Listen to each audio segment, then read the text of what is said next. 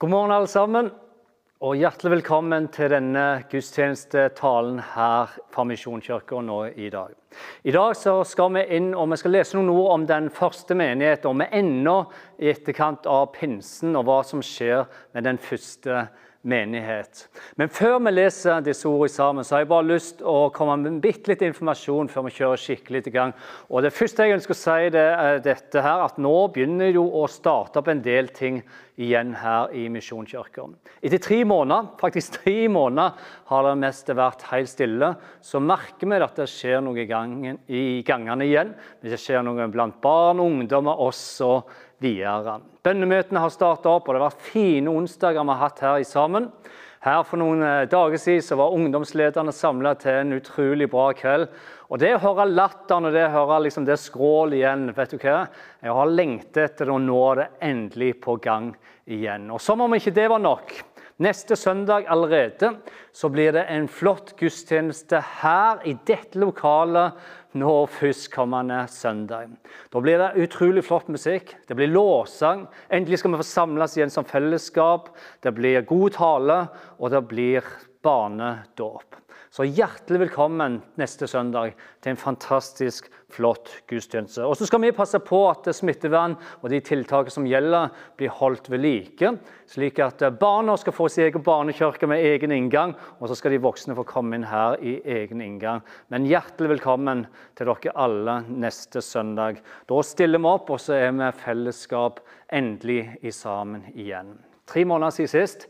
Vi gleder oss veldig, veldig bra. Og som jeg sa innledningsvis, så skal vi i dag lese om den første menighet helt fra begynnelsen. Og Vi skal lese i apostelgjerningen to utover Den hellige ånd har kommet. Og etter Den hellige ånd har kommet, så starter menigheten, og de er sin spede begynnelse. Og det står dette her om menigheten og hva de gjorde. At de holdt seg trofast til apostlenes lære, står det. Og fellesskapet holdt de seg trofaste. De holdt seg trofaste brødbrytelsen og bønnene, og hver og en ble grepet av ærefrykt. Og så står det videre at mange under og tegn ble gjort av apostlene. Og jeg tenker Det må ha vært en utrolig spennende tid. Her skjer det mye, her er det liv, og her rører det seg. og Folk er nysgjerrige på hva som skjer. Og Alle de troende står det videre, holdt sammen og hadde alt felles. De solgte eiendommene sine og det de ellers eide, og delte ut til alle etter som hver enkel trengte dem. Og Så står det videre dette, og det er nå det begynner å bli veldig interessant. For det står hver dag så holdt de trofast sammen på tempelplassen. Og Her er ordet 'trofast' igjen. Det er noe som følger den første menighet. De var trofast til menigheten. Og I hjemmene så brøt de brød, og de spiste sammen med oppriktig og hjertelig glede. Ja, de sang og de lovpriste Gud og var godt likt av hele folket. Og som en respons og resultat ut av alt det som skjedde, den hellige fikk røre seg, og de levde ut livet med disse verdiene som vi skal se på i dag, så står det at responsen av Gud var dette her. At hver dag, hver eneste dag, så la Herren til nye som lot seg frelse. Nye mennesker som kom til fordi de ble invitert inn i dette fellesskapet. De ble nysgjerrige, og så møtte de Jesus, og så ble de frelst. Og Det vi leser her, er i grunnen mange mange ting, men det som er helt sikkert, er at i disse skriftene her, så finnes det fire verdier. Fire verdier som går igjen i denne menigheten. Fire verdier som jeg tenker at jeg ønsker skal kjennetegne mitt liv som jeg ønsker skal kjennetegne vår menighet. slik at når mennesker ser inn på vår menighet, så er disse fire verdiene ting de ser igjen. Og Den første av disse her fire verdiene som gikk igjen i menighet, var tilbedelse. Det var en form for tilbedelse. Og tilbedelse er mer enn bare å stå på og synge en lovsang på en søndagsgudstjeneste. Det er fint, og det er bra å stå sammen som fellesskap når vi synger og når vi ber i sammen. Men tilbedelse, som en ser i den første menighet, er mye mer enn det. Tilbedelse handler om å komme til Gud med hele sitt liv på mandag, tirsdag, onsdag, torsdag. Det gode og det dårlige, og så gir en det til Gud og gir det Gud i ære for Gud og i takknemlighet til Gud. Tilbedelse handler om å leve hver dag sammen med Gud. Leve og gi tilbake til Gud det som han allerede har gitt til oss. Og Den første verdien var tilbedelse. Den andre verdien som jeg så var veldig sentral i den første menighet, som jeg ønsker å skal prege også, var apostelens lære. De lytta til læren. Nå i dag så har vi Bibelen, vi har Gamle testamentet, vi har Nytestamentet. På den tida hadde de bare Gamle testament som de leste ut ifra. Og så delte apostlene erfaringene og livet de hadde levd i sammen med Jesus. Og Folket lytta, og de tok imot apostelens lære og lot det prege livet deres. Og Det er det Guds ord gjør. Du ser Det det å sitte under Guds ord og få Guds ord inn i livet vårt, det endrer livet vårt. Det er en prosess der nytt liv får lov til å spire fram. Det gamle, det som ikke hører hjemme lenger, det blir tatt bort. Og Guds ord, apostelens lære, har dette i seg. Det tredje som var tydelig, og det var en tydelig verdi i den første menighet, var diakonitjenesten. Men hva er diakoni? Jo, det handler om å gjøre ordene som en sier, som en tror på, til handling. Det handler om å elske Faderen Gud av hele ditt hjerte av hele sjel og all din forstand, men òg elske sin neste som seg sjøl. Det handler om å hjelpe mennesker inn til et sted der de kan kjenne at Gud elsker dem for den de er. Det er en, en, en naturlig handling og en naturlig respons på det livet en sjøl har fått del i. Takk, Herre, for at jeg har fått. Hvordan kan jeg gi dette videre? Og Den fjerde og den siste verdien som gjennomsyrte denne her første menigheten, som vi skal se mer på i dag, handler om å dele vitnesbyrdet videre. Dele erfaring, det du har opplevd, og gi det videre til andre. Det handler om å være et vitne for Jesus. Og Det er dette vi skal se spesielt på i dag. Hva vil det si å være et vitne for Jesus? C.S. Lewis, som var forfatter og som har skrevet en del kjente bøker, som også har blitt til filmen 'Narnia', som er veldig kjent, skriver dette her. En genial ting som han har skrevet. Jo mer vi lar Gud ta over, jo mer blir vi oss sjøl. Hørte du det? Jo mer vi lar Gud ta over, jo mer blir med oss sjøl. Og hvorfor er det sånn? Jo, fordi det var han som skapte oss. Det er han som kjenner oss, det er han som vet hvem vi er. Det er han som visste hvilken plan og hvilken tanke han hadde for hver eneste en av oss. Og Dette her er veldig veldig bra at vi får med oss, fordi det jeg ofte tror at vi mennesker kan gjøre, at vi tenker på det å være et vitne og det å komme med et vitnesbyrd, så handler det om en jobb som vi så absolutt ikke ønsker å gjøre. Eller vi skulle ønske vi kunne gjøre det, men det blir hvordan gjør en det uten at det blir kunstig og rart? Men det C.S. Lewis sier her, som er bra for med seg, dette her, at en god vei til dette handler om å finne en relasjon. Det handler om å finne en måte å hvile i sammen med Gud, slik at det er naturlig at Gud får bruke oss som mennesker og gjøre dette gjennom våre liv.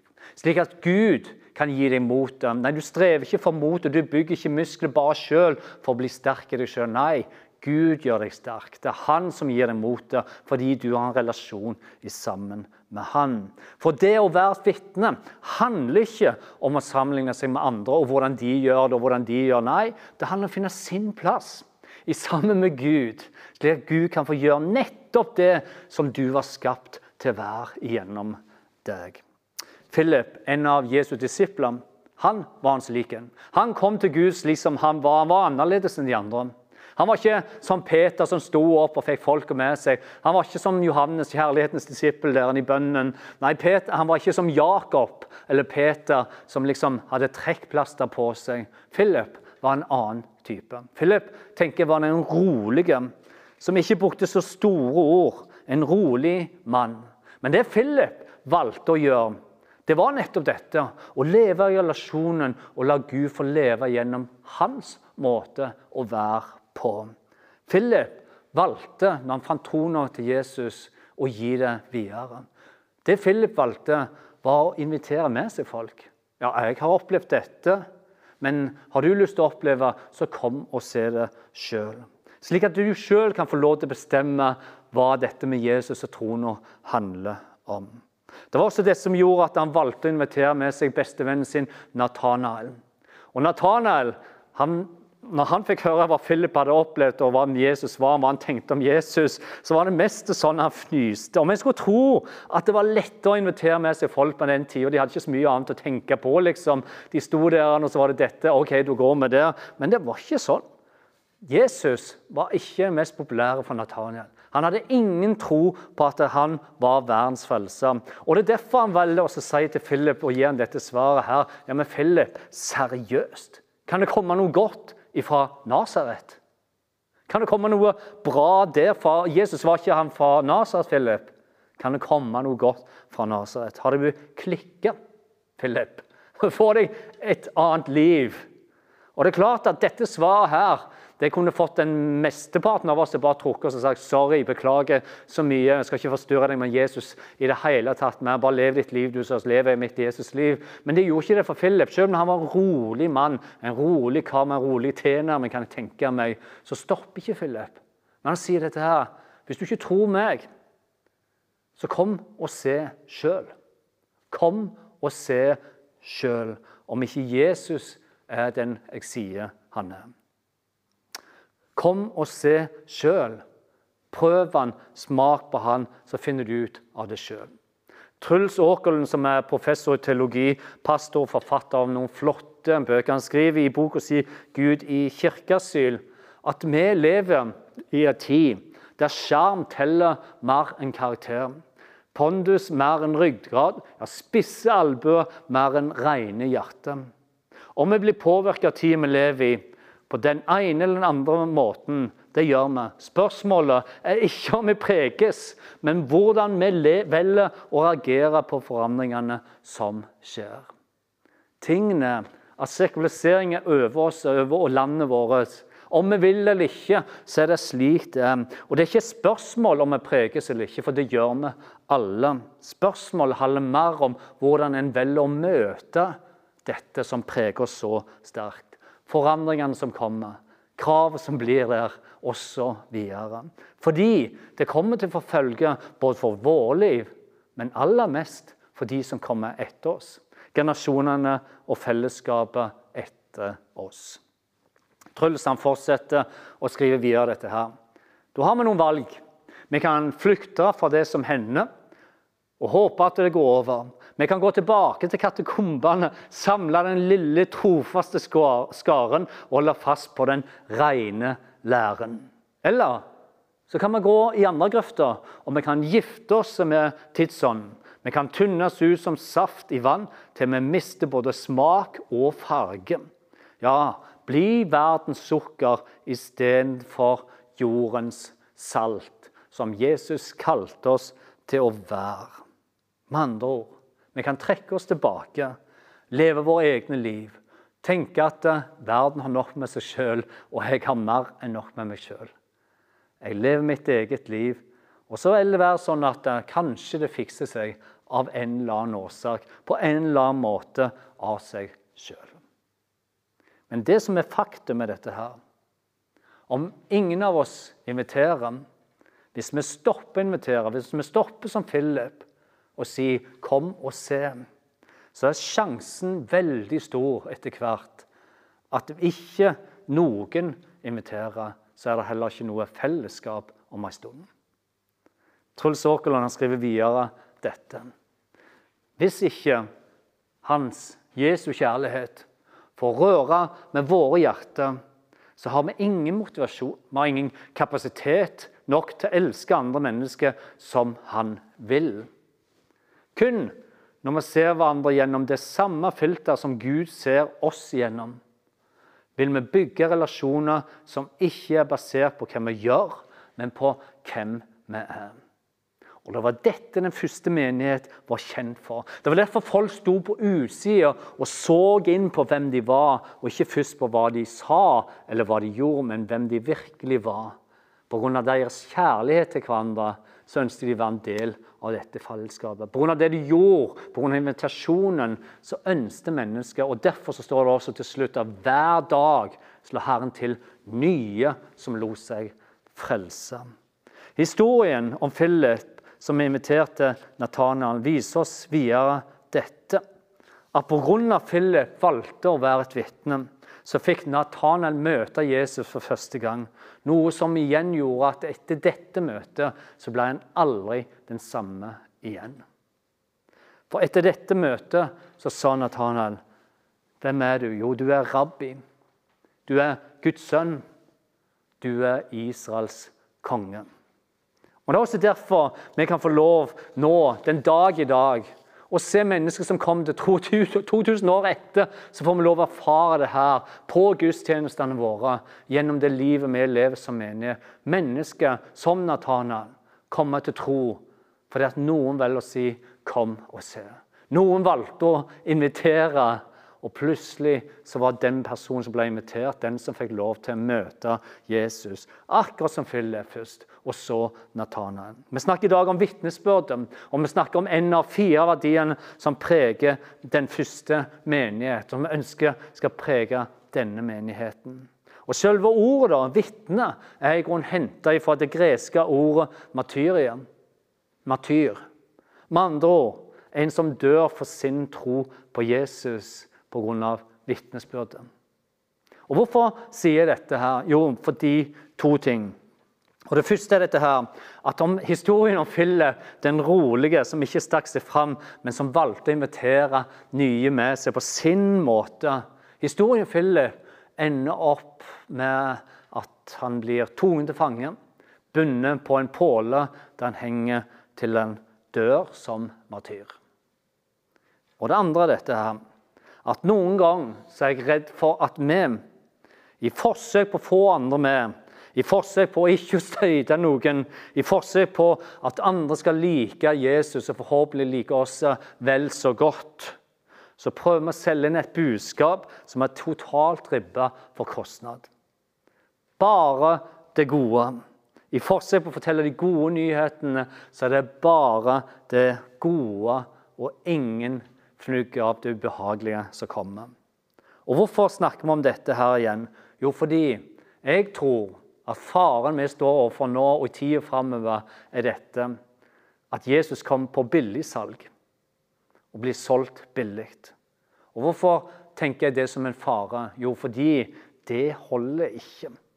Ikke i møte med det som ungdommene og generasjonene framover skal møte en liv og en lære som presenterer Jesus som et happy life, fullstendig ribba for smerte, skam, kamper og elendighet.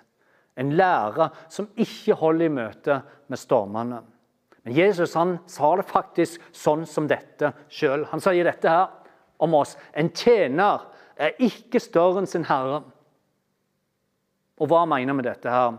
Jo, som de forfulgte meg, vil de også forfølge dere.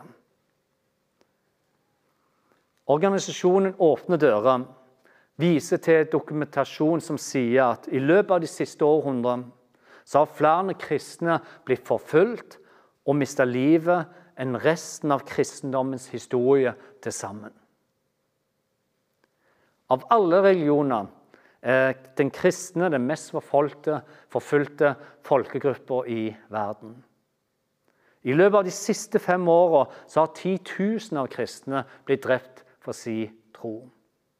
Over 200 millioner kristne blir diskriminert, og av disse opplever 100 millioner alvorlig forfølgelse her på jorden. I 60 land er forfølgelsen en hyggelig del av hverdagen de kristne opplever. De blir utsatt for vold, og tusenvis av kristne opplever overgrep og voldtekt og flere tusen med døden til følge. Hvert eneste år.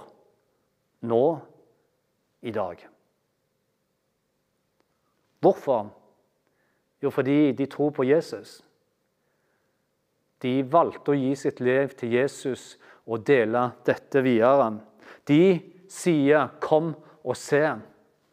De inviterer fordi det er så sterkt de sjøl har fått lov til å erfare og oppleve med Jesus. Og derfor, og bare derfor, fordi de har sett sannheten, så risikerer de livet. Fordi de ønsker at sine venner, sine familier, skal få oppleve og erfare Jesus og evigheten sammen med Jesus. Derfor er de et vitne. Et Jesu vitne. Du ser at trona du har, og jeg har, den kom ikke på billigsalg. Jo, det er helt gratis å få ta imot Jesus, og vi får lov til å komme akkurat der vi er i livet, uansett. Fra vår side så handler det om å ta imot en nåde som er helt, helt gratis. Men på andre sida, fra Guds side, så hver gang han gir nåden, så er det minne om hva Jesus gjorde på korset for oss. Nåden er ikke billig fra Guds side, mens vi får ta imot den helt gratis. C.S. Lewis, som vokste opp i et kristen hjem, men som forlot troen og ble en ihuge ateist. Han fant ut gjennom sin søken etter feil og hvordan han kunne fengsle de kristne og Bibelen osv. I sin søken så fant han ut ja, men dette er jo sant, det jeg leser. Det er jo dette som går opp, det er dette som passer sammen. Matematikken gikk opp, Det er nødt å være sant. Og han ble en kristen som valgte å leve som et vitne resten av livet. Og Han skrev det slik som dette her etter han tok imot Guds nåde. At menigheten eksisterer ikke for noen annen grunn enn å dra mennesket til Kristus. Ingen annen grunn enn det. En inviterer med seg de en har rundt seg, inn til Kristus. Og gjør de til små Kristus, altså disippelskap, disippelgjøring. Hvis en ikke gjør det, sier han videre, så er alle katedraler, alle geistlige ja, misjonsvirksomheter som vi reiser på, alle preikener som vi står og holder på med, ja, selve Bibelen ganske enkelt bare bortkasta tid. For Gud blei ikke menneske for noen annen hensikt enn å dra mennesket til Han.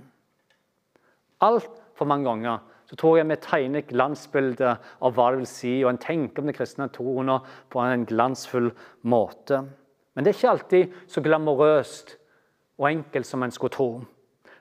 Det kan være vondt å ikke få svar og bønnesvar når en ber. Det kan være hjerteskjærende å se barna sine slite med syke eller fysisk. Og en ber og en ber, og en opplever ingenting skjer. Det kan være hjerteskjærende og vondt å stå i en troendes kamp. Og Noen ganger kan det oppleves både brutalt og dypt urettferdig, det en går igjennom. Og Jeg skal innrømme at jeg til tider sjøl har spurt hvorfor Gud? Hvorfor all den smerten rundt oss? Hvorfor skjer alt dette? Det må vi huske på å aldri glemme. At den tida vi har her på jorden, du og meg så skal vi leve, og så skal vi kose oss, og så skal vi gi av oss sjøl, og så skal vi få lov til å ta imot mye godt. Men hovedgrunnen til vi er her, og ennå er her i dag, er at det ennå fins noen rundt oss som trenger Jesus. Som trenger en invitasjon, som trenger en av oss til å si 'kom og se'. Ja, vi kan eh, kjenne på sårhet, vi kan kjenne på frustrasjon. Vi kan kjenne på det å bli forfulgt. Men vi må aldri glemme og alltid huske på at Gud betalte ikke en så dyr pris for å gi nåden uten noen grunn. Han gjorde det fordi at han elsket deg så høyt. Det er den eneste grunnen til at menighet ennå er her, at han elsker de vi har rundt oss så høyt. Så hvem er din Nathanael? Til slutt, hvem legger Gud på ditt hjerte nå i denne tid? Eller hvem er den ene som du kan invitere med, eller ta en drøs med, og si Kom og se, da. Kom og se. Eller kan det være at denne ene faktisk er deg? Kan det være at livet har fart så hardt med deg de siste åra, den siste tida, at det er du som trenger å oppdage Jesus på ny? Komme tilbake til den første kjærlighet og kjenne Oi, dette her, det er jo meg. Jeg trenger å bli født på ny. Jeg trenger å møte Jesus på ny. Jeg trenger et nytt påfyll. Benytt anledningen i dag, som Nathanael gjorde når Philip inviterte ham med. Kom til Jesus. Gå inn til han på din måte, og la han få plass i livet ditt. Ta tilbake tilbedelsen, som var nummer én og begynn å takke og ære Han igjen. Nummer to, les i Bibelen, eller lytt til Guds ord. Om det er på nett eller hvor det skulle være podkast. Lytt til Guds ord. La det få fylle dine tanker som den første menighet gjorde. Eller nummer tre, finn din tjeneste i menigheten. Ja, I fellesskapet. Hold ikke borten av fellesskapet samles, men kom og vær en del av fellesskapet. Allerede nå på søndag, kanskje. Finn din plass og tjen Herren med glede. Hva er din tjeneste? Og nummer fire av det siste som preger den første menighet, som også kan du ta imot og prege ditt liv. Vær et vitne. Vær et vitne med ditt liv, på din måte. Philip hadde sin måte, så var Peter på sin måte. Hva er din måte? Om det er på arbeidsplassen, om det er i familien, om det er der du er i dag.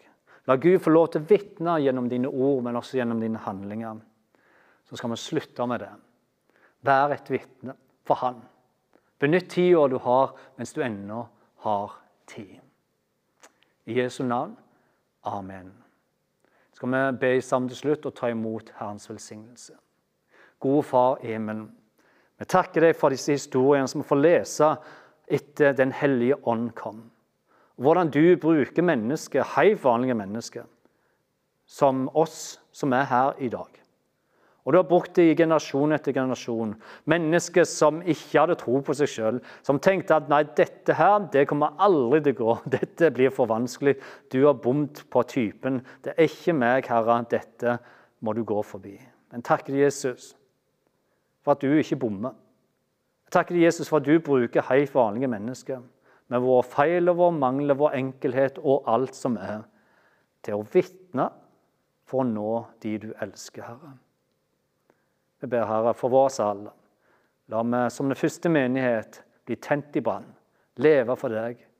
Og så priser vi og takker deg, Jesus, for at du står der med nådefulle armer hver eneste dag ustrakt imot oss, selv om det koster deg så dyrt. Så får vi lov til å ta imot gratis. Vi priser og takker deg for denne dag, uken som vi går inn i, og inn mot neste søndag. All ære til deg. I Jesu navn. Amen. Så skal vi til slutt ta imot Herrens velsignelse. Herren velsigne deg og bevare deg. Må Herren la sitt ansikt lyse over deg og være deg nådig. Må Herren løfte sitt åsyn på deg og gi deg fred i Faderen og i Sønnen og Den hellige ånds navn. Takk for i dag. Og så husker vi neste søndag her i kirka.